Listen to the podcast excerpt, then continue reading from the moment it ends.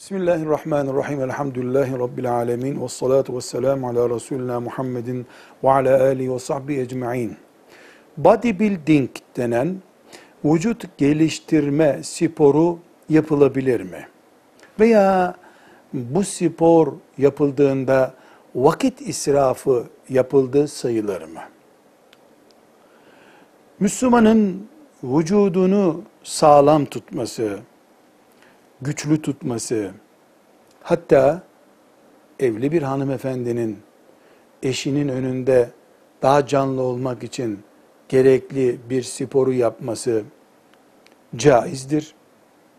Vücudun gelişmesine, canlı kalmasına, kasların güçlenmesine yardım ediyorsa belki de farzdır, vaciptir, sünnettir.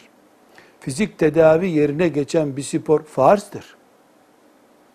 Dolayısıyla vücut geliştirme sporu sorulduğunda ne için yapıldığının cevabını ararız.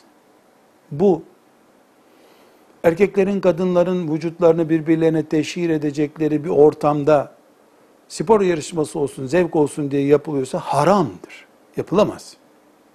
Ama bu Allahu Teala'nın haramlarından bir haramın işlenmediği bir yerde, mesela kadınların kendi hallerinde, erkeklerin de avretlerini teşhir etmedikleri bir ortamda yapılıyorsa caizdir. Belki de sünnettir, belki de vaciptir, farzdır bile denebilir.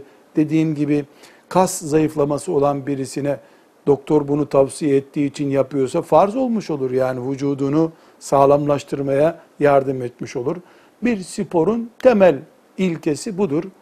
E, spor hemen haramdır demeye gerek yoktur. Çok iyidir denecek engelleri de e, tespit ettikten sonra e, helaldir, haramdır, uygundur, değildir diyebiliriz. Velhamdülillahi Rabbil Alemin.